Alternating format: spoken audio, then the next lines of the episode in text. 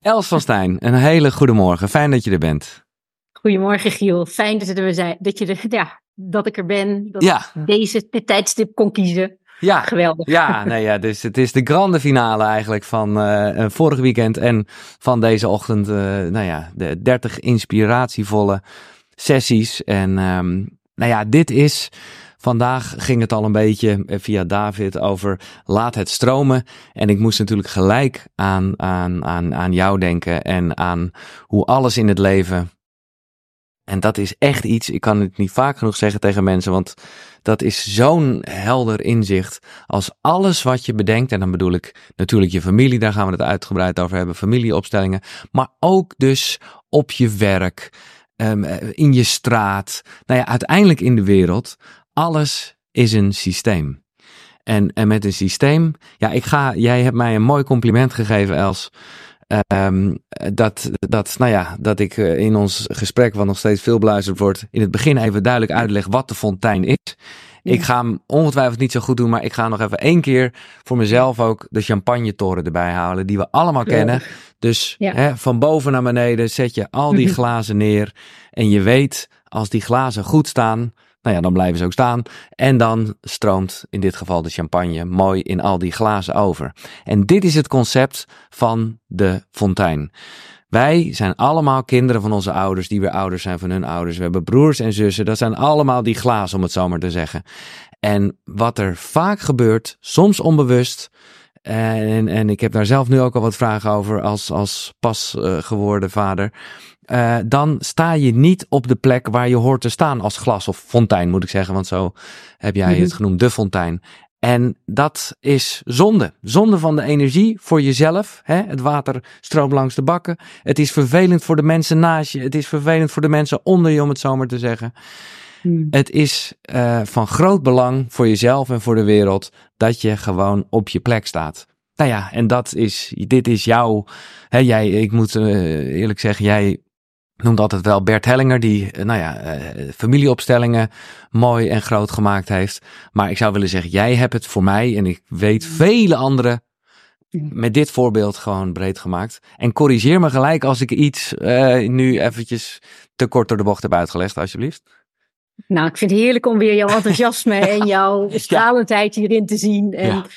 Eh, nou, ook de liefde die jij voor de fontein hebt. En ik heb natuurlijk ook allerlei mooie sessies met jou mogen doen. En Ja. eh, je hebt ook die podcast die we destijds gemaakt hebben. Daar ben ik je ook heel dankbaar voor. Want die blijft als het ware tijdloos. Eh, Mhm. ik krijg zoveel reacties daarop. En het is een heel mooie manier om mensen die eigenlijk nog weinig ja, kennis, of eigenlijk nog geen kennis hebben gemaakt met de fontein. Of het systemisch werk, om die daarin iets te leren. En als aanvulling op die champagnetoren, want ehm, nou, de fontein is inderdaad die verschillende bakken met eh, voorouders, opa en oma's, jouw biologische ouders. Jij staat altijd onder, in de kindsbak onder jouw ouders, jouw kinderen, et cetera. Ja. En het goede nieuws is dat het niet uitmaakt hoe anderen in je familiesysteem die glazen neerzetten. Zolang jij ze maar goed stapelt, dan gaat het goed. Dat is vind ik nog even een hele belangrijke aanvulling erbij. Dus dat is ook het goede nieuws. Je hebt er zelf met name invloed op. De hele, eh, jouw hele systeem kan een zootje zijn, even ongenuanceerd gezegd. Of jouw ouders kunnen Ja. ook misschien zelfs wel beslissen dat ze om bepaalde redenen jou niet willen zien. In het systemisch veld maakt dat niet uit. Het gaat erom dat jij de ander ziet. En dat betekent dus feitelijk in die mooie metafoor van de champagne, want ik ben zelf ook dol op champagne. Ik ben verder niet zozeer aan alcohol gehecht, maar champagne, dat eh, gaat er altijd, dat Ja. vind ik altijd heel fijn en feestelijk. Maar je kan dus zelf die champagneglazen neerzetten. Met je innerlijke houding. Ja.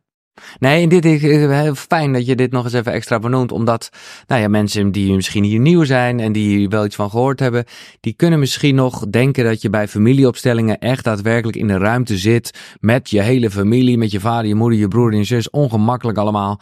Eh, en en die, die hebben er misschien helemaal geen zin in. Je zit nu te kijken, je denkt, ja, maar mijn moeder en vader wil dat helemaal niet, of ze leven niet meer. Ja. Dat is allemaal inderdaad eh, niet van belang. Ehm, het gaat om je eigen opstelling. En, en, maar ik vond dit ook, oké, dan ga ik gelijk even voordat ik natuurlijk heel veel vragen ga stellen van alles en iedereen. Maar laat ik dit ook even persoonlijk maken. Hmm. Eh, omdat ik dit ook nu enigszins bijna frustrerend vind. Dat ik voor Josephine ik kan alleen doen wat ik kan doen. En ik wil natuurlijk Josephine het leven, uh, hè, nou ja, het hoeft niet perfect te zijn, maar hè, zo ideaal mogelijk. En of zij gaat opstijgen in die bak, of dat uh, Floor zich gaat gedragen op een manier waarbij zij uh, daalt, of, of ja, daar heb ik letterlijk geen invloed op. En dat vind ik wel, omdat ik juist door jou en, en inderdaad door die sessies weet hoe, nou ja, hoe krachtig het is om, om in, je, in je kracht te staan, hè, om in de goede bak te staan. Ja, daar kan ik, maar correct me if I'm wrong, voor Josephine niks anders doen dan zelf in mijn eigen bak blijven staan en blijven stromen. Want voor de rest is het buiten mijn macht. Klopt. En dit is zo mooi omdat jij nu echt ook een bak onder je hebt gekregen ja. in de vorm van uh, Josephine. En ook al zou Josephine eventjes een heel slecht scenario. Stel dat het een miskraam was geweest mm -hmm. en dat ze niet had uh, kunnen leven, dan nog steeds was je wel vader geweest. Ja. Dus, uh, um, maar het, jij als vader in dit geval, um, nou het mooie is, jij bent uh, systemisch ook aan de slag gegaan voordat Josephine ook uh, gemaakt is, volgens ja. mij. Ja, volgens absoluut. mij waren, ja, je absoluut was, zelfs. Ja, ja, ja. ja. Dus, voor, dus dat betekent, jij bent, nou jij stond niet goed op jouw plek in die fontein. Nee. Je was ergens daar bovenin gekomen door allerlei redenen. Ja. Um, dat betekent dat jij niet op jouw plek staat. En dat betekent dat je dan behoeftig bent. En behoeftig betekent dus eigenlijk dat je die stroming van de fontein niet opvangt, die zo nodig is om je echt vervuld en prettig te voelen en je lichaam helemaal goed te kunnen voelen. En op het moment dat je uh, die dus niet opvangt, ga je dat tekort, ga je onbewust claimen bij je partner. Die ga je claimen bij een werkgever, bij de overheid, maar ook bij je kinderen. En je kinderen, die voelen eigenlijk altijd of jij wel of niet goed op je eigen plek staat. En een kind is 50% de vader en 50% de moeder. Dus al uh, ik van of Floor kan ik niks, uh, weet ik niet hoe zij systemisch wel of niet staat. Maar bij jou hebben we ondertussen gezien dat jij niet goed stond. Maar ondertussen lijkt jij toch uh, Ja. redelijk stabiel te staan.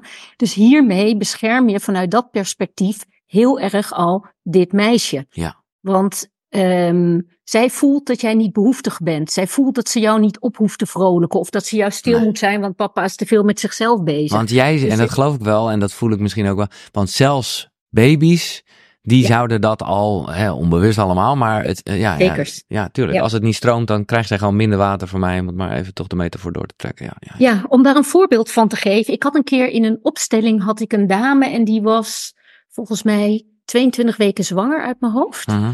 En, um, en dit was haar eerste kind. En zij vertelde dat ze haar kind in de buik nog nooit had gevoeld.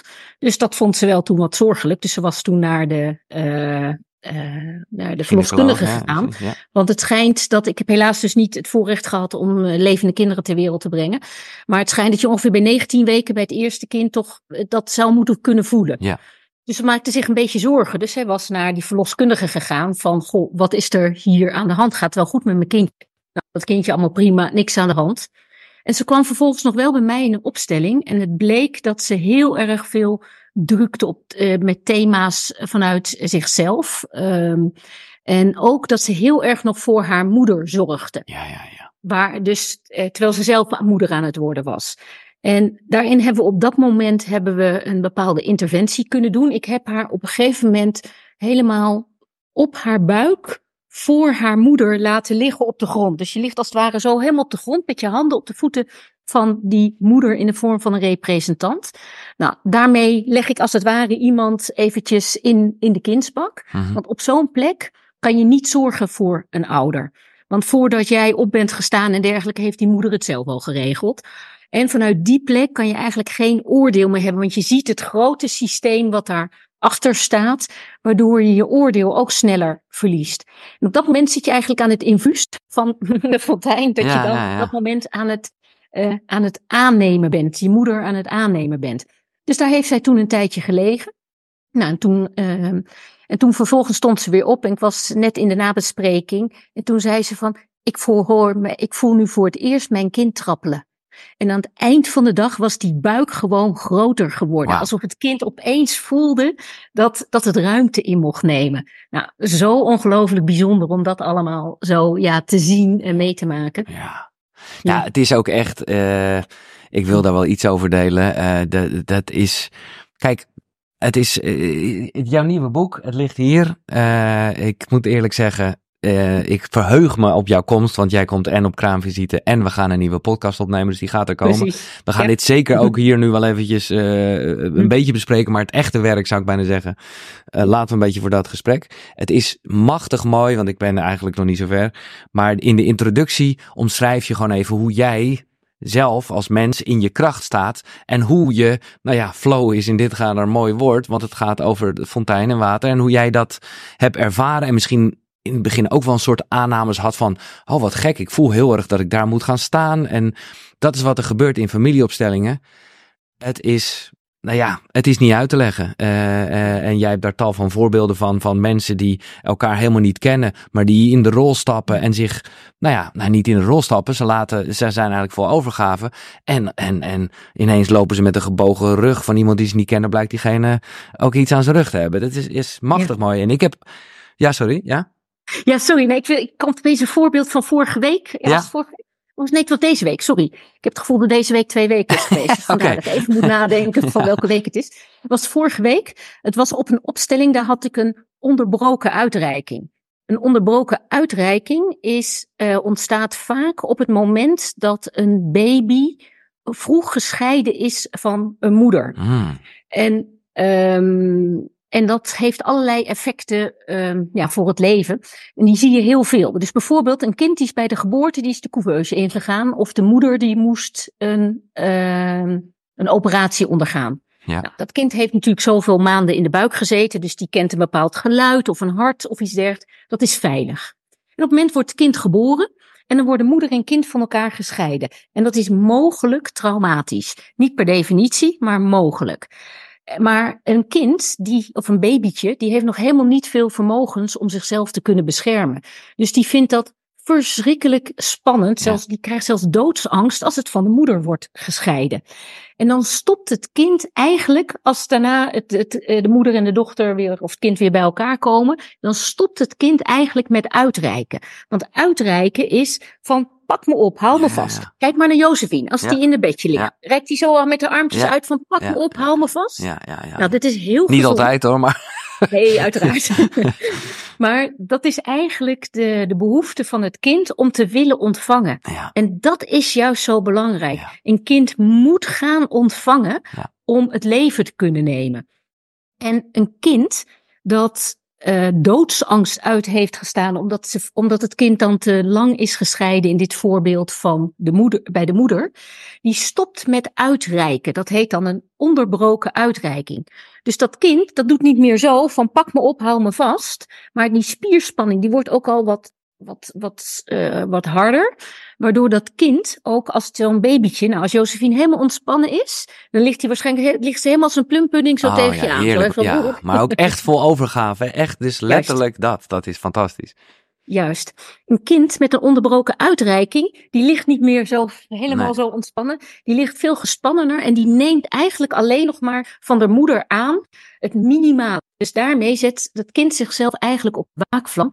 Want het kind heeft geleerd dat uh, heeft eigenlijk al een soort van verlieservaring en dat je niet meer kan vertrouwen dat je kan halen bij de moeder wat je zo nodig hebt. Mhm. En die angst van dat je niet gaat krijgen wat je nodig hebt, dat gaat zich dan in de rest van het leven wow. gaat dat uh, doorspelen. En dat gaat, gaat dan een rol spelen in je hele leven. Dat Ja. zijn mensen die vaak op de waakvlam staan. Ja. En dit kunnen we dus bij opstellingen, kunnen we dit eruit krijgen. En dan lijkt het soms dat het heel ergens anders zit van vorige geschiedenissen van oorlogen of allerlei andere ingewikkeldheden. Maar vaak is het zoiets. Maar het bizarre wat ik hier, eh, de- sorry, heel lang verhaal, Nee, eh, nee, nee. toe wil voegen. Ja, We hadden het over opstellingen. ja, En uh, je kan opstellingen met poppetjes doen, maar ik doe het het liefste met mensen in de ruimte.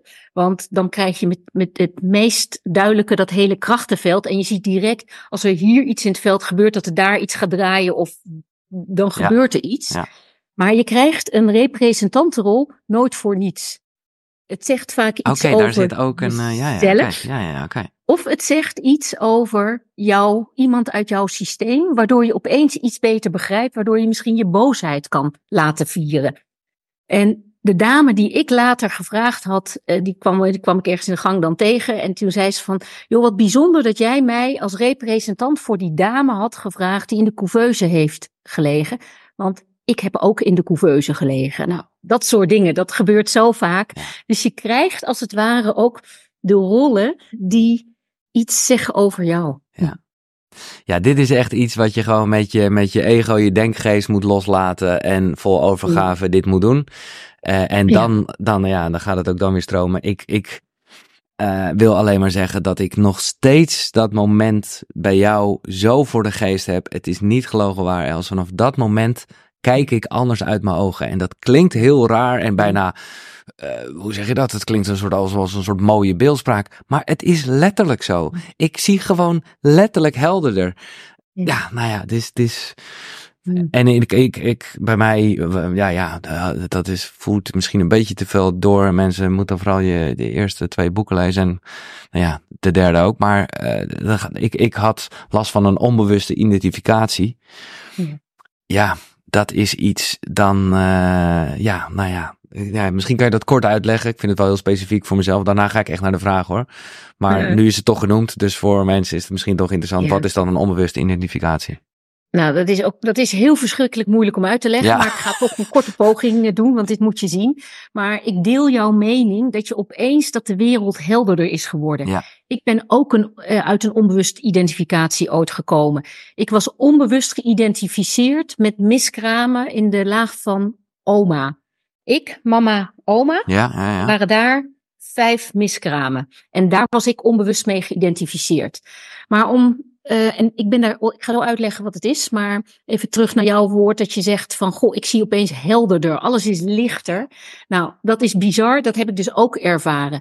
Wat je gewend bent, vind je gewoon. Dus we waren ergens wel gewend om altijd een beetje te moeten ploeteren.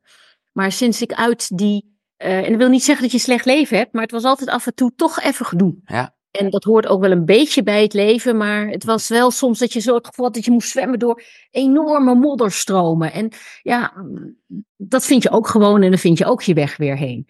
Maar een onbewuste identificatie, als je eruit komt, dan kan je jezelf toestaan om het jezelf langdurig goed te laten gaan. Nou, dat gebeurt volgens mij bij jou. En ik ben er ongeveer, denk op mijn dertigste ben ik eruit gekomen. Ik ben nu 54. Um, ik, sindsdien staat, lacht het leven me ja, alleen maar een stijgende lijn. Ja. Maar terug naar je vraag, wat is een onbewuste identificatie?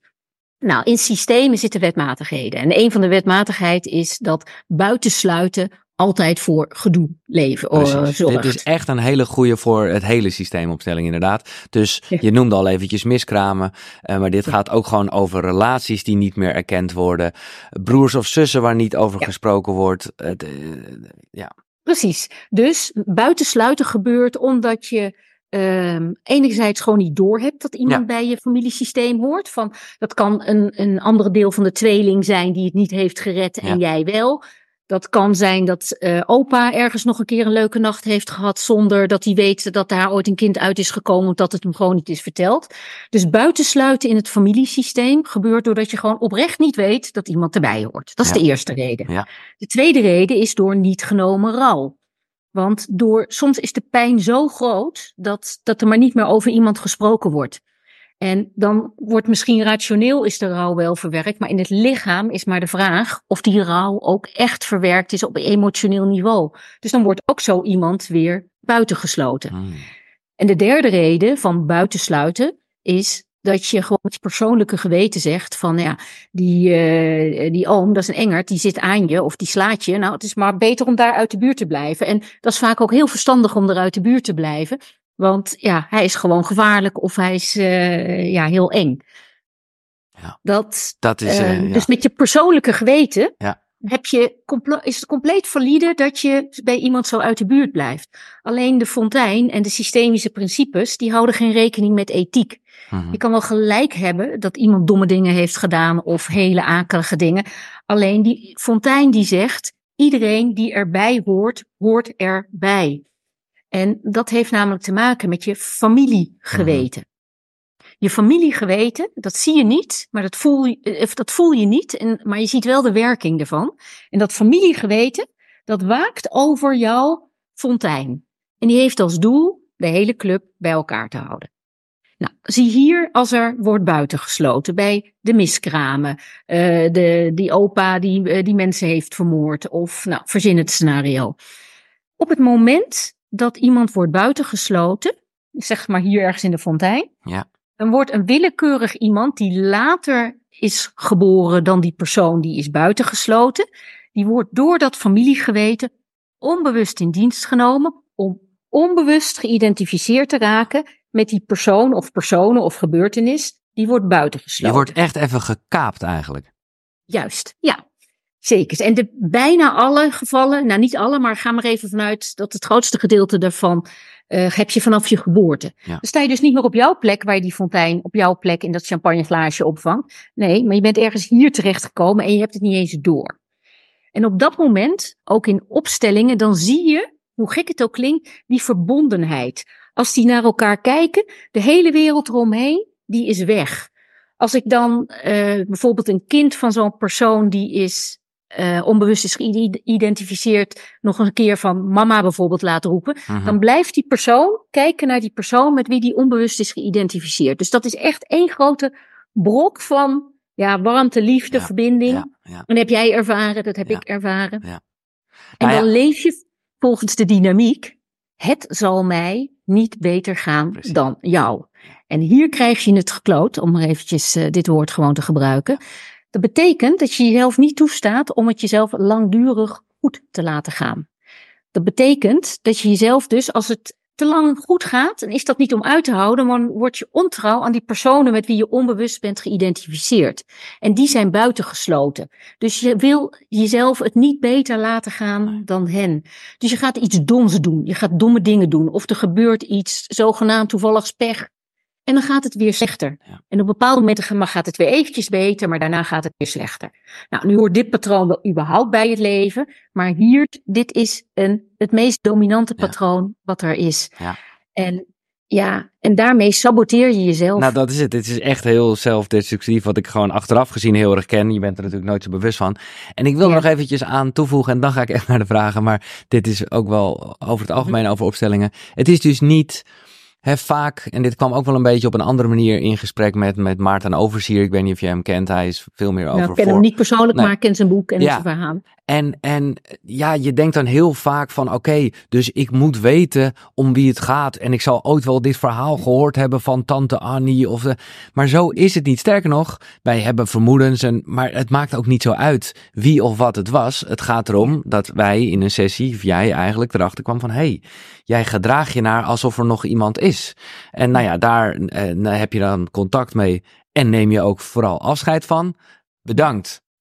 En tot ziens, zeg ik eventjes eh, lekker makkelijk. Maar dat, dan, nou ja, in de basis is dat het wel. En dan is het klaar. Dus het is niet dat ik nu weet, oh, ik, eh, en in, misschien dat in sommige gevallen bij jou dat wel heel duidelijk is met wie je dan. Ja. Maar in Soms mijn weet ik het. ja, in dit geval niet. En om eerlijk te zijn, het maakt ook niet uit. Met respect en waarde. Want ik bedoel, je, dit is niet een soort wegduwen. Want dan, dan erken je het ook weer niet echt. Ehm, maar ja, je, je, je, je kan dan afscheid van diegene nemen. Waarop, nou ja, toch weer het stroomt. En ja, zo kwam ik erop in dit geval. Ik echt letterlijk anders uit mijn ogen kijk. En pas daarna ben ik super dankbaar en blij. Ook het leven ben aangegaan nou ja, wat ik daarna, eh, ja, ja, mede dankzij jou dus heb kunnen doen met een vrouw en nu een kind. Ja, dat, dat durfde ik gewoon niet aan, want het zal mij niet zo goed gaan als diegene. Dus dat, dat ging ik gewoon niet doen. Oké, we gaan naar de vragen en ik realiseer me dat er heel veel, voor sommigen die wel in de materie zitten, een soort platgetreden paden, maar dat maakt niet uit. Hoe meer mensen we hiermee inspireren, hoe beter. Want nogmaals, eh, jij hebt het net over een familie geweten.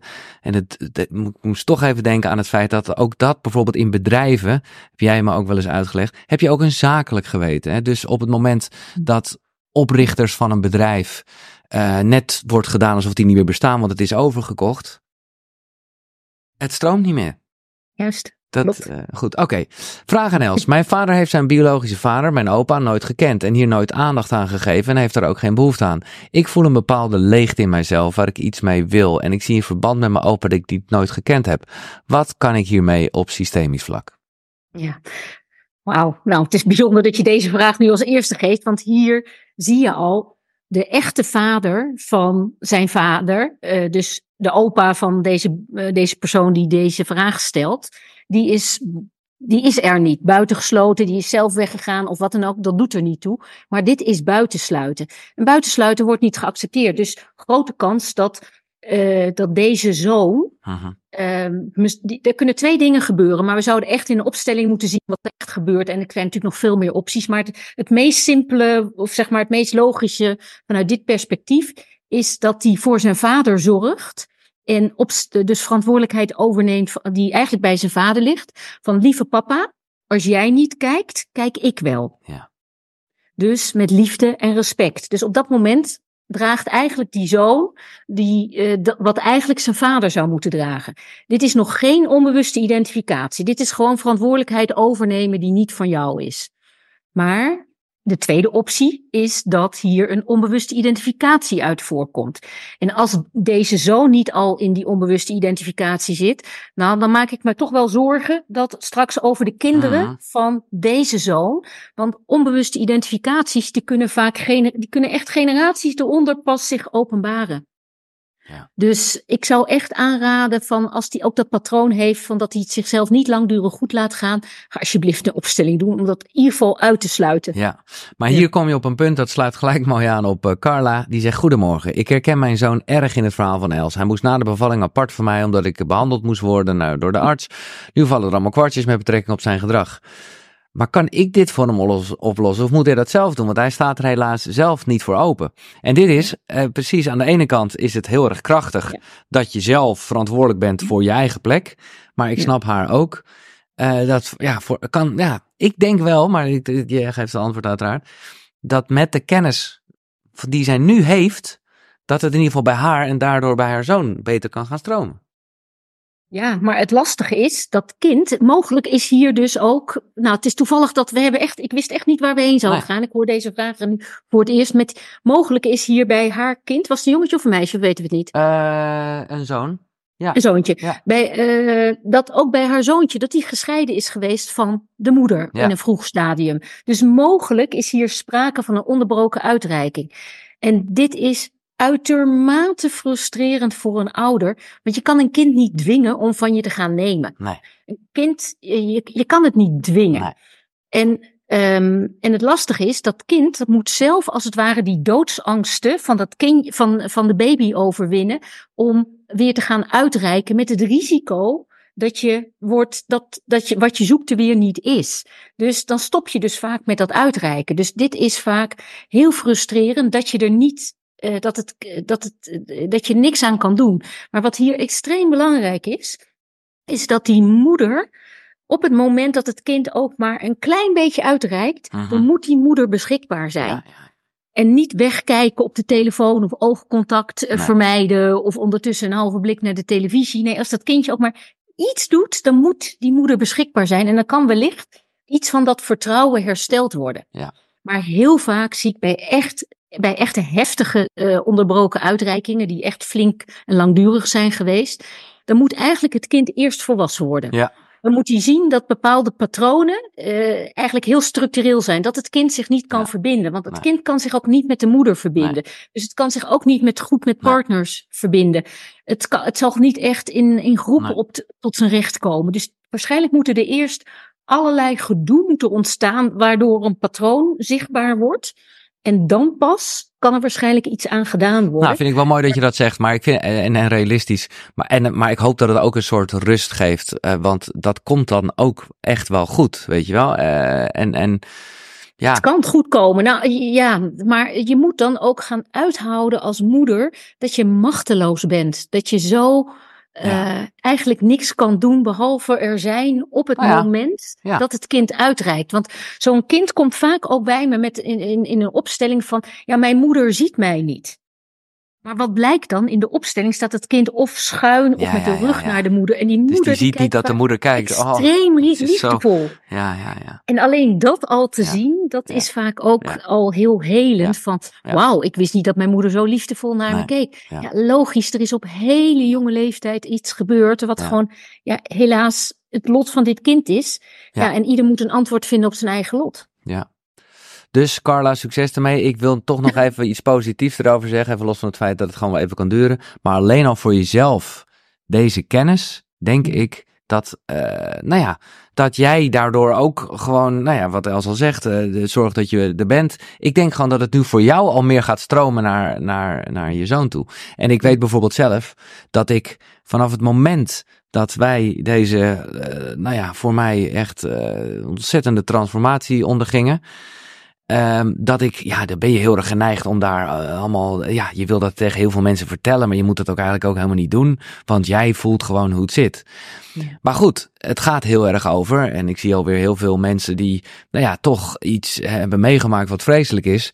Je ouders hebben gedaan wat ze konden. Dat is soms te heftig om te zeggen, want, nou ja, we kunnen ons allemaal de meest heftige dingen voorstellen dan nog hebben ze gedaan wat ze konden, hoe beperkt dat dan ook was. Ik voelde, dat wilde ik alleen even zeggen, dat echt die eerste keer, eh, even los van het feit dat ik die sessie bij jou nog weet, weet ik ook de eerste keer dat ik in Zandvoort bij mijn moeder aanbelde. Want ik was er gewoon anders in. En ik, nou ja, mijn moeder heeft dat natuurlijk zelf nooit zo ervaren, maar ik denk zelfs eigenlijk ook wel voor haar was het natuurlijk geen momentum. Maar omdat je zelf anders in de bak staat, omdat je zelf, in dit geval ik echt goed in de bak sta, stroomt het toch ook anders bij die anderen. Dus het zal wel degelijk effect hebben. Dat is. Uh... Absoluut. En nog één ding die ik nog wel voor ja. die, Carla, tegen die Carla zou willen zeggen, ja. is dat, dat Carla die moet de, uh, de moed hebben met een D om, uh, om haar leven te gaan leven. Ook al gaat het niet zo goed met haar kind. Nee, precies. En dat geeft ook eigenlijk daarmee, het, het, dient nergens toe als zij zichzelf klein gaat houden en nee. niet vol in het leven gaat staan. En dat doet geen afbreuk aan haar verdriet. Nee. Maar daarmee geeft ze ook toestemming aan het kind. Je mag voor jezelf kiezen. Je mag leven. Ja. En daardoor wordt het kind ook nog meer uitgenodigd om te gaan leven. Ja. Nee, dat is. Uh, ik, ik, nogmaals, ik heb het boek nog niet gelezen, maar ik voel wel aan alles dat dit mm. hè, de drietrapsraket is van eerst weten, je plek kennen, mm. Uh, helder niet aanpassen of beter op je plek gaan staan en dan shinen en, en, en vieren. Mm -hmm. um, eens even kijken. Heftige vragen allemaal. Um, ja, nou oké, okay, laten we deze maar gewoon doen. Want dit is nou ja, er is een oplossing, maar ik snap het helemaal. Lieve Giel, kan je alsjeblieft vragen aan Els? Ik wil heel graag een familieopstelling met Els. Maar Els zit altijd vol. Ja, dat klopt. Uh, ja, dat is gewoon zo. Uh, en nou is het wel zo, jij hebt me nog uh, geïntroduceerd bij Elmer Hendricks. hij heeft een heel mooi instituut, daar zitten echt best wel goede. Je hebt je eigen mensen. Maar het mooie is, en ik vraag toch eventjes om daar een kleine uitleg voor te geven, is dat jij hebt, eh, nou ja, daar ben je echt lang mee bezig geweest, ook technisch gezien. En, en, en, ja, jij houdt gewoon van schoonheid, zou ik willen zeggen. Dat zie je aan hoe je, nou, ook nu jezelf weer presenteert. Dus het moet allemaal goed zijn. Dus het heeft lang geduurd, want ik denk dat uh, waarschijnlijk al tien jaar geleden tegen mensen jou zeggen, je moet iets online uh, hiermee gaan doen. uh, maar er is nu, en ik, en ik, nou ja, misschien kan je ons een klein beetje meenemen in wat je kan, met, want dat kan dus, maar dan wel online. Wat, ja. wat, wat, wat, wat krijg ik dan? Wat, wat zie ik dan? Wat, wat doe ik dan als, nou ja, als ja. De, dezegene toch ja, echt jouw hart wil voelen? Mm, nou, enorm uh, prachtig om te horen dat, uh, dat ik zo mensen kan raken en dat mensen ja, door mijn taal, door mijn energie uh, aangesproken worden. En dat was inderdaad het probleem dat ik in het verleden had ik inderdaad heel veel wachtlijsten. Mm -hmm. Want ik deed toen alles nog alleen. Zei ook iets over mijn plek destijds nog in de fontein. Ik doe het wel alleen. Ja, ja, ja, Ondertussen, als je op bent gestegen, dan heb je eigenlijk besloten, ik doe het wel alleen of ik moet het alleen doen. Op het moment dat je afdaalt, dan kom je steeds meer in de, op jouw plek. En dan kom je van, ik kan het misschien wel alleen, maar ik hoef het niet meer alleen te doen. Dus dat betekent dat ik ook ondertussen heb ik steeds meer mensen opgeleid, ook onder mijn vlag, die ik heel secuur, uh, want mijn waarden integriteit, kwaliteit, esthetiek, die zijn verschrikkelijk belangrijk voor mij. Daar doe ik geen concessies aan. Dus ik heb extra mensen opgeleid op die echt volgens mijn uh, gedachtegang. Uh, en uiteraard brengen zichzelf mee in allerlei andere opleidingen. Maar mijn sausje, zeg maar, die zit daarover. Ja. Dus er zijn echt op dit moment. Ik vond het heel belangrijk dat er voldoende plek ter beschikking is op opstellingendagen. Dus op mijn website. Daar is gewoon nu altijd op korte termijn bij iemand die ik op heb geleid, is er plek beschikbaar. Perfect. Maar los daarvan ik ben al een tijd geleden ben ik inderdaad met dat online programma begonnen. Want toen had ik nog niet zoveel mensen onder mijn vlag opgeleid. dacht ik van nou, dan kan ik mensen bereiken die ik anders niet kan bereiken.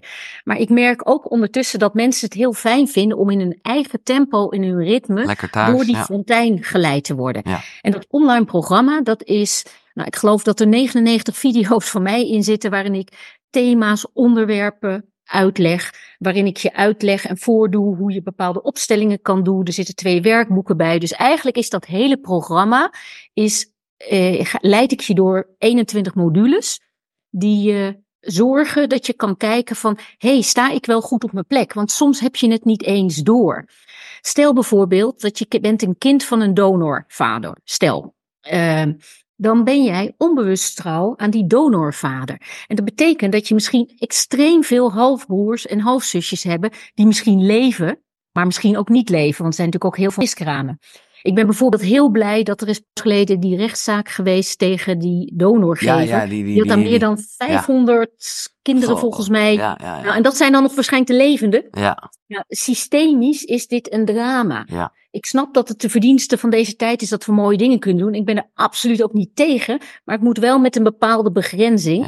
Want al die, want buitensluiten, ik zie in opstellingen, ik heb kinderen van dit soort mensen gehad, die kijken allemaal maar naar die halfbroertjes, halfzusjes ja. of oudere halfbroers of halfzus en die niet leven. Dit levert gewoon systemisch Het is de meest vage champagne toren uit.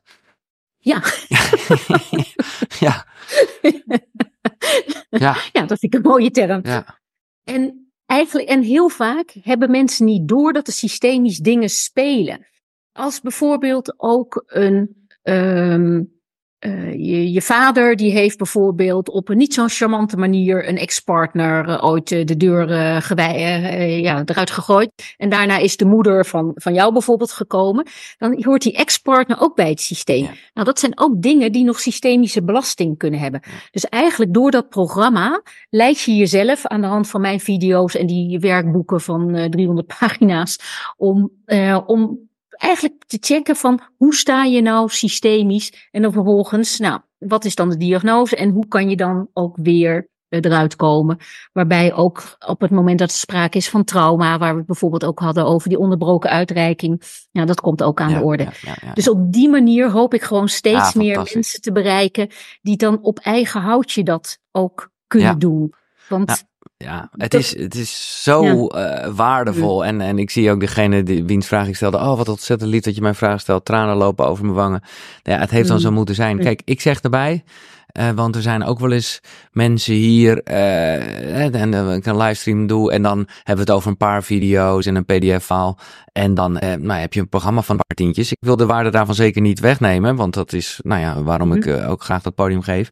In dit geval is dat, nou ja, je geeft al aan de hoeveelheid, de intensiteit uh, en, en gewoon hoe mooi het eruit ziet, is het echt next level. Dus het is een behoorlijke investering, maar ik, ik ja, zeg echt vanuit mezelf, als je bij machten bent, doe het, uh, want dat zal je veel opleveren. En, en, en ja, ik denk dat je nu al bijna antwoord hebt gegeven op een vraag die ik wel... Uh, nou ja, ik ga hem je nog een keer stellen op het moment dat je hier thuis bent we de podcast op gaan nemen. Want ik, ik, ik heb het, maar, want ik voel, ja, dat is namelijk gaat over intuïtie. Mhm. en, en, en dat was een beetje een soort error in mijn hoofd. Dat jij eigenlijk zegt, ja, ik weet niet of je wel altijd je intuïtie kan vertrouwen. Ja, ja klopt. Ja, dat is uh, wat ik inderdaad uh, vaak zeg. Wanneer kan je je intuïtie vertrouwen? Eigenlijk op het moment dat je flink wat thema's bij jezelf hebt aangekeken. Want daarmee wordt je waarneming schoner. Er zitten minder filters tussen jou en uh, de omgeving. Je wordt minder geraakt door de omgeving. Want de omgeving is altijd een spiegel voor jou. Mhm. Als er iets gebeurt, ja, dat is een gebeurtenis. Maar waarom reageer jij daar zo op? Ja. En dan kan je wel zeggen, ja, mijn onderbuik zegt dit. Maar wat gebeurt er als jouw onderbuik zegt, eh, terwijl je in een onbewuste identificatie zit en het jezelf niet goed moet laten gaan? Dan is dat je intuïtie. Of op het moment dat je door overlevingsmechanismen helemaal vastzit in een bepaalde grammofoonplaat die altijd afspeelt onder bepaalde omstandigheden, die eigenlijk niet recordable is, ja, dan is je intuïtie ook niet te vertrouwen. Of op het moment dat je vastzit in secundaire emoties. Een secundaire emotie is een emotie die de primaire afdekt omdat die te pijnlijk en te groot is. Het is makkelijker om boos te zijn op de hele wereld dan te voelen hoe machteloos het is dat we er zo'n zootje van gemaakt hebben met, uh, op het gebied van uh, klimaat of iets dergelijks. Dus die machteloosheid, die boosheid gaat je, kan wel iets in gang brengen, maar wanneer krijgen we meer rust als je die machteloos voelt en vanuit als je die hebt weggewerkt, of in ieder geval even hebt aangekeken, dat daar in ieder geval weer een paar procenten van die boosheid er vanaf zijn, dan kan je vanuit daar veel adequatere reacties en gedrag vertonen. Dus ja, je kan niet altijd op je intuïtie vertrouwen. Zo simpel is het. Ja. Dus je kan steeds meer op jezelf vertrouwen naarmate je sowieso beter de systemische principes toepast en dat jij stevig op jouw plek in de fontein staat. Dat je kan snappen wat het verschil tussen primair en secundaire emoties zijn. Dat je snapt wanneer je geregeerd wordt door een overlevingsdeel dat je snapt dat op het moment dat je door een waarde geraakt wordt, dat je dan uh, opvliegiger, uh, ja, ja, meer uh, ja, geagiteerd ja, bent. Van, ik heb mijn waarde bijvoorbeeld is, uh, is integriteit. Daar ben ik heel erg gevoelig voor. Dus ik ga daar eerder van over de dijk als, als er niet integer wordt gehandeld dan iemand die dat niet heeft. Dat wil niet zeggen dat die persoon niet integer nee, is. Nee, nee, maar die heeft ik reageer daar veel sneller op. Dus ja, wat is, wat is je intuïtie? En de kunst is om ja, jezelf steeds beter te leren kennen en te voelen van, ha, dit is een zuiver iets. Ja. En dit is een, misschien wel een beschermingsmechanisme die me eerder afleidt of wegtrekt of wat dan ook. Ja. Ah, mooi, mooi, mooi. Um, is het mogelijk, zeg Marloes, om thuis in je eentje een opstelling te doen met bijvoorbeeld je moeder of onbekende? Zo ja, hoe doe je dat dan? Ja, Marloes, ja, ik, ik zou zeggen, juist niet echt iemand uit je familie erbij, toch? Nee, dat sowieso niet. Je doet sowieso je opstellingen niet met iemand uit je familie, want, uh, waar, want die, uh, die handelt vanuit een hoofd en vanuit herinneringen en vanuit sociaal wenselijkheid en wat dan ook. En ik zou zelf niet aanraden als je niet ervaren bent en geen gedegen opleidingen hebt gehad, ga geen opstellingen met jezelf doen. Er zijn heel vaak mensen die zeggen, die, je kan ook met vloerankers werken en dan ga je daar erin staan en dergelijke. En dan zeggen mensen, ja, er gebeurt zoveel en oh, wat mooi. En dan denk ik van, ja, zeker, er gebeurt heel veel. Maar wat haal je overhoop en doe je niet iemand zelfs dieper in een, uh, in een patroon? Ik krijg best wel veel mensen die mij graag zien werken. Dus die komen een dag mee als, doen als representant op opstellingen daar ja. van mij. Dus die mij ook gewoon willen zien werken. En zo heb ik ook geleerd van heel veel andere mensen. En daardoor heb ik mijn eigen stijl kunnen ontwikkelen. Dus op zich moedig ik dat aan. Maar dan krijg je soms vragen dat in de opstelling dan uh, staat het kind er heel verdrietig hier te zijn. En dan die moeder die kijkt daar dan naar. En, uh, en dan, dan krijg ik later de vraag van waarom laat je die moeder niet naar dat kind toelopen? Want dat is toch liefdevol? Dan kan de moeder even dat kind troosten. Dat is toch een kleine ervaring. Nou, als je dat in een opstelling laat gaan doen, dan snap je er echt helemaal niets van. Nee, nee, in het dagelijks leven Tuurlijk. Een moeder en kind troosten, uiteraard, of een vader. Maar op het moment dat een opstelling een ouder naar een kind wil lopen, dan is de ouder behoeftig. Er moet een moet het kind iets voor de moeder doen. Dan kan die moeder het waarschijnlijk niet uithouden dat het kind zo'n verdriet heeft. En dan gaat het kind alweer die moeder zorgen. Hoppa, dat is weer de fontein ja. omkeren. Ja. Dus op de vraag van, um, ga je, kan je dat zelf doen? Nou, ik zou het liever, uh, dat zou ik absoluut afraden. Maar ja, iedereen wat, wat, het enige waarvan ik denk dat je het zelf kan doen, is het voor je zien. Is het gewoon even beleven dat je ouders mm. achter je staan en daarachter weer de mm. openomen. En, en nou ja, bedenk dat maar eens. Vond ik wel lekker om dat een beetje te visualiseren. En nogmaals, ja, dan doe je wat je weet met broers en zussen. En, uh, ja. hè? Dat dat is, dat kan, moet ik eerlijk zeggen, best wel krachtig zijn. Het is een shot wat ik zelf best wel vaak nog zo naar boven kan halen. Omdat ik dan gewoon weet, hé, hey, mijn ouders staan achter me of zo. Weet je wel? En ook letterlijk achter me. Uh, ja.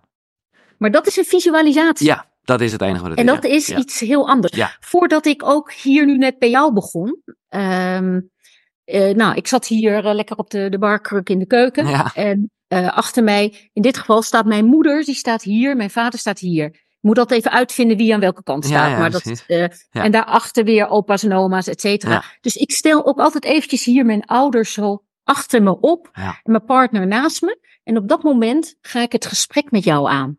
En dan voel ik me geborgen, voel ik me stevig. Maar ik voel me ook gewoon volledig volwassen. Ja. En dan kan ik hier gewoon, ja, vanuit mijn volwassen Zijn. deel, kan Ja. ik eh, contact met jou hebben. En ik zeg het nog even, want ik zie, eh, ik zie natuurlijk met schuin de hele tijd naar de vraag te kijken. En het maakt niet uit. Ik snap dat je.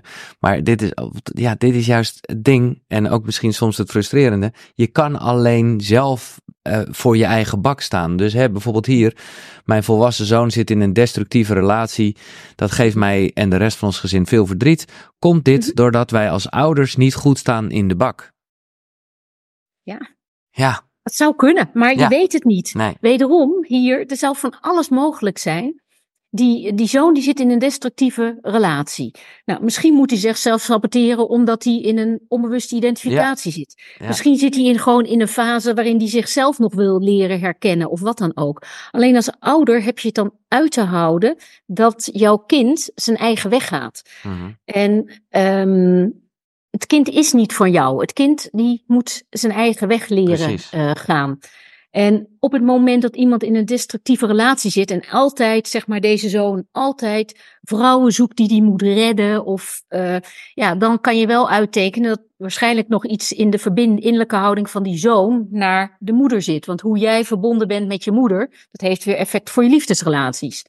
Maar het kan ook gewoon een keer even een pech zijn van een relatie die even niet zo lekker loopt. Nee, precies. Maar het kan ook een patroon zijn. Ja. Maar het lastige is dat deze ouder, die moet dus uithouden dat je op dat moment ook even last, eh, dat je machteloos bent.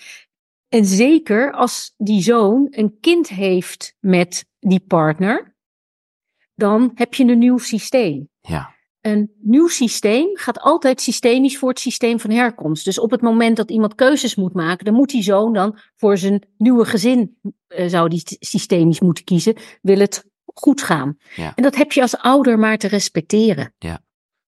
En nu noemde jij, daar zag ik veel dingen over binnenkomen, het even over, eh, zo, werkt, zo werkt een bak. Dat is dus een relatie. En dan gaat het dus ook over vorige relaties.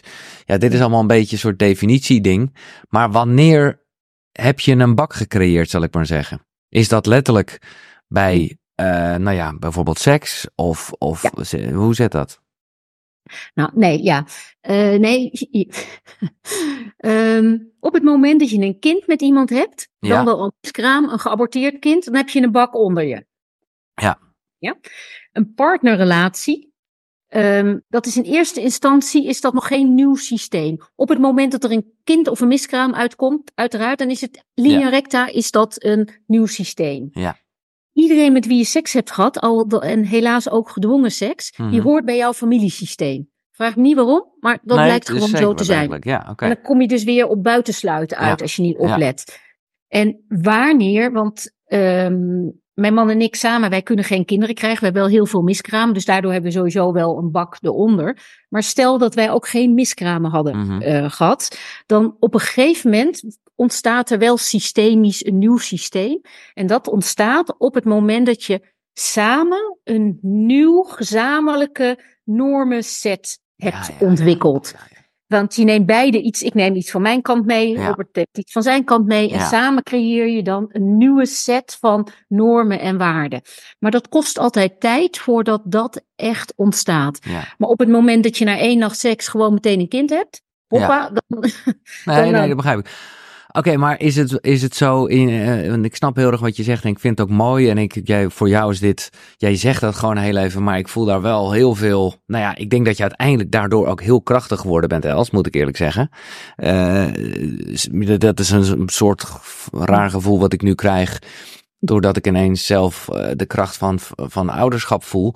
Maar het is natuurlijk niet zo dat jij geen moeder bent. Integendeel zelfs. Ik denk Ik dat jij. Ja, precies. En daardoor. Ja, precies. Maar nee, maar ook gewoon van, hè, dan noem ik het eventjes zakelijk, maar ook gewoon inhoud. Ja, bedoel, uiteindelijk zijn we allemaal familie van elkaar. Daardoor kan jij zoveel geven en, en leid je mensen op en blijf je, nou goed, tot zover even dit, maar dat, dat vind ik wel mooi dat het zo werkt. Uh, maar is het zo dat jij in gedachten of ooit heb je nog wel ja, bepaalde ex-vriendjes naast je staan? Of zeg je van nou op een gegeven moment is dit wel echt een relatie en bam, dan, dan is dit het enige wat naast me staat op het gebied van relaties. Hoe zie jij dat bij jezelf? Nee, maar elke partner die krijgt er een volgend nummer bij. Ja, precies. Dus je eerste partner is partner 1, Ja, daarna 2, Ja, Oké. Eh, Ja. Of eigenlijk iedereen met wie je seks hebt. Dus Ja. zo kan je het gewoon. eh, en de ene relatie die is gewoon waardevoller voor de andere. En ik heb ook een, een jeugdliefde die, waar ik nog steeds eh, één keer per jaar eh, spreken we af. En dan hebben we het gewoon even gewoon heel fijn. Gaan we gewoon samen lunchen, verder niks. Maar gewoon heel oprechte liefde over Ja. en weer. Nou, dat, die plek is van hem. En die blijft hij ook in mijn hart houden. Daar kan niemand anders eh, Nee. kan daarbij komen. Dus die plekken kunnen rustig naast elkaar eh, bestaan. Maar de kunst is ook wel op een gegeven moment ook om, eh, om ook mooie dingen ook een stukje los te laten. Ja. En ook door te kunnen gaan. Zodat Nou ja. op het moment dat iets zich iets nieuws aandient, dat je ook beschikbaar bent. En Ja. dat vind ik ook altijd gewoon zo'n hele mooie metafoor die eh, wel bekend is. Maar ik vind hem heel prachtig.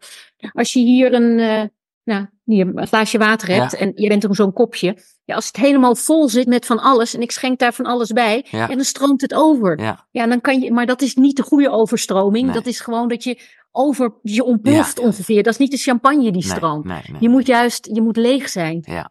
Bepaalde Ja, manier. En dat betekent dus ook dat je Ja. dingen los moet laten. En ook jezelf toestemming moet kunnen geven. Van ik ga verder, ik laat los.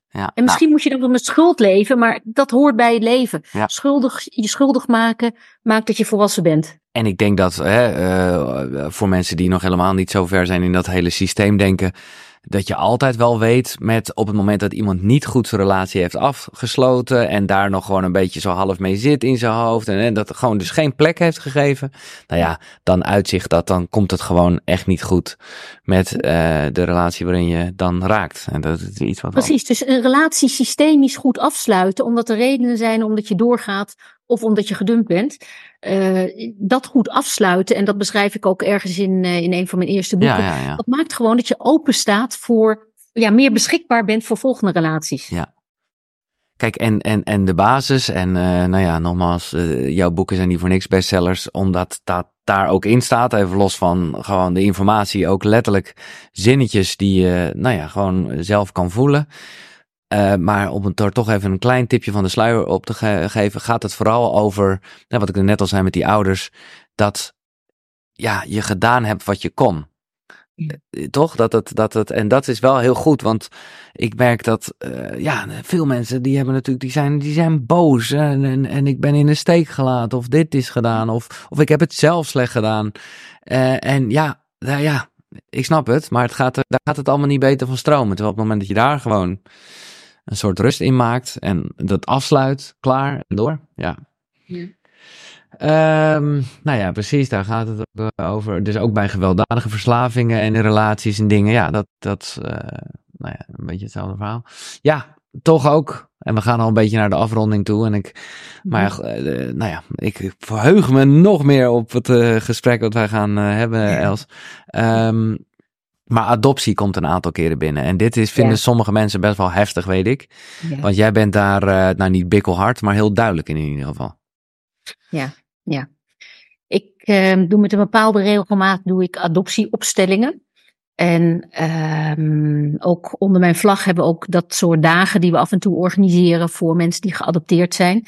Want kinderen die geadopteerd zijn, die zijn onbewust trouw aan hun familiesysteem van herkomst. Dus hun biologisch systeem, wat ze niet kennen. En ze zijn vaak ook loyaal aan hun adoptiesysteem. Maar vaak, eh, daar zit absoluut ook vaak een enorme bak met liefde en Ja. ook heel veel mooie Ja. goede dingen. Ja. Er dat je kan ook zegt. loyali- Ja. loyaliteit zitten vanuit overleving. Ik ben al een keer eh, afgestaan. Ja. Goh, wie, eh, wie zegt dat dat niet nog een keer gebeurt? Dus die passen zich dan vaak aan. Maar je ziet dat als die innerlijke verbinding gemaakt kan worden met de biologische ouders, dat er dan iets gebeurt. En ik heb ook iemand in mijn team, waar die ook onder mijn vlag werkt, die dat ook allemaal zo heeft ervaren en ook, eh, dus die ook dat soort adoptieopstellingen ook eh, vaak doet. Ehm, je ziet dan dat er iets gebeurt, dat het gaat stromen bij zo'n persoon. En dan is de package deal van die biologische, van die biologische ouders dat ze het leven hebben gegeven en dat je daarna bent afgestaan. En dat je daarna hebben ze niks meer kunnen geven. Nee. Goed, ze hebben wel je genen gegeven en misschien je gezondheid of je intelligentie of je, ja, je handigheid om, om te overleven of iets dergelijks. Maar adoptieopstellingen die zijn vaak ook kunnen ontroerend mooi zijn. Ja. Want op een gegeven moment, ik had een groep van 30 mensen met adoptie. kinderen die geadopteerd waren, al zwaar volwassen waren hoor. En ik vroeg van hoeveel mensen hebben een andere naam gekregen? Nou, dat waren er 27 van de 30. Mm. Toen vroeg ik ook van, joh, kennen jullie toevallig ook jullie eigen moedertaal? Dat kan niet Chinees of uh, Koreaans of weet ik veel wat, wat dat allemaal kan zijn. Dus toen heb ik ze allemaal gezegd van dat ik ze in eigen taal heb laten uitspreken. Ik ben, en dan met die oorspronkelijke naam. Nou, dat was ontroerend mooi. En je zag gewoon dat, dat ze verbonden raakten met zichzelf. Ja, ik voel hem ook gelijk. Want hoe uh, intens was dat? Want dat is iets wat ze helemaal nooit erkend hebben. Maar ergens natuurlijk altijd wel in hun zit, omdat ze dat weten. Ja. ja. Kijk, het mooie is, ik vind dat je nu echt goed uitlegt op een manier die je ook veel minder hard overkomt. Dat uh, uh, ja, eigenlijk heb je het adoptiesysteem, hoor ik het jou net noemen. Maar de, ja, en dat bedoel ik met hard. De harde waarheid is gewoon dat in het familiesysteem, of die vader en moeder, de echte vader en moeder, ja, ze waren er niet, maar ze staan daar wel boven. En dan nog hebben zij gedaan wat ze konden, wat in dit geval niet zo gek veel was. Maar uh, uh, dat is. Nou, het leven gegeven. Nee, het leven gegeven. Nee, daarom. Nee, ja, zo heb je helemaal gelijk in. Dus, uh, en, en dan, ja, dan is dat bijna frustrerend, weet ik bij mensen die zeggen: ja, maar deze heeft mij opgevoed en allemaal liefde gegeven. Ja, absoluut. Maar in het familiesysteem, als ik toch even het familiesysteem noem, ja, geen, geen rol. Ja, die, het, het adoptiesysteem die hoort bij je lot. Ja. Het lot zijn alle omstandigheden waarom je zo geworden bent uh, tot op de dag van vandaag. En daarin zit dan ook dat je geadopteerd bent. Ja. Maar er zit ook dat je misschien echt een heel fantastisch adoptiesysteem hebt gekregen. Dat je wieg in Nederland hebt gestaan waar geen bommen vallen, waar uh, de gezondheidszorg goed is geregeld, waar ja, uh, ja alles zit in, in het lot. En daar hoort dus ook het adoptiesysteem bij. Ik zie nog heel veel vragen binnenkomen. Gooi ze allemaal in de app, want misschien kan ik ze nog meenemen voor het gesprek dat wij binnenkort gaan opnemen uh, als dat past. Mm -hmm. ja, want het is 12 uur. Ik wil je hartelijk danken voor je tijd. Eh, als ja, het gaat zo snel en ik hoop niet dat ik te veel uh, persoonlijkheid erin heb gegooid als het gaat over mijn eigen situatie. Maar ik denk dat het wel een hoop heeft gegeven. Dankjewel, wat een mooie uitleg. Ik heb hier veel aan gehad. Nou, dat vind ik mooi. Veel mm. hartjes die binnenkomen. Ja, het is echt een aanrader. Begin gewoon. Ik moet zeggen, eh, nogmaals, ik ben net begonnen met dit boek. Daar leg je het ook wel even uit. En eh, ook net heb je een ingang gegeven. Ik ben toch klassiek. Ik zou gewoon 1, 2, 3 uh, de volgorde lezen van de boeken. Het is niet per definitie nodig, maar het is, het is wel, het is gewoon fijn. En dan word je gewoon meegenomen. Ik denk zeker dat er een aantal mensen echt wel, uh, nou ja, het online gedeelte gaan verkennen. En wat super fijn, uh, Els dat het, uh, nou ja, dat je zo'n zelf zo'n systeem hebt gebouwd waarbij er nu gewoon eigenlijk non-stop beschikbaarheid is. Ja. Uh, dat is. Dat is heel krachtig. Dat vind ik echt, uh, nou ja, mooi dat je dat doet. het is Els van Stijn met IJ. Ik zal een linkje plaatsen, uiteraard, natuurlijk. Op, EIJ. of EIJ bedoel ik, ja.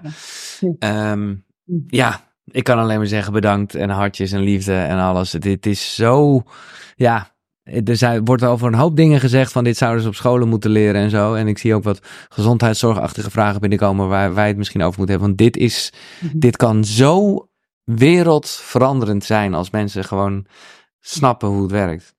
Ja, maar onderschat jezelf er ook niet in. Jij bent bereid om ook jezelf te laten zien, om open te zijn.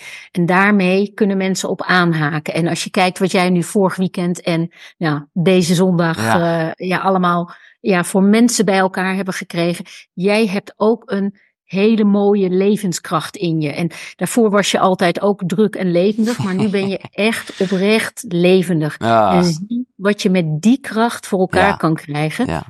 En je mag ook gewoon voor jezelf kiezen. Gewoon lekker nu gezellig met Floor en met uh, Josephine. Gewoon eens even lekker achterover gaan leunen. En ook gewoon genieten wat er ook allemaal van jou is. Je hoeft niet alleen maar te geven. Nee. Maar het is wel zo dat als je veel ontvangt, heb je veel om door te geven. En dat, is wat ik merk. Sinds ik tegenwoordig goed in die fontein sta, ja.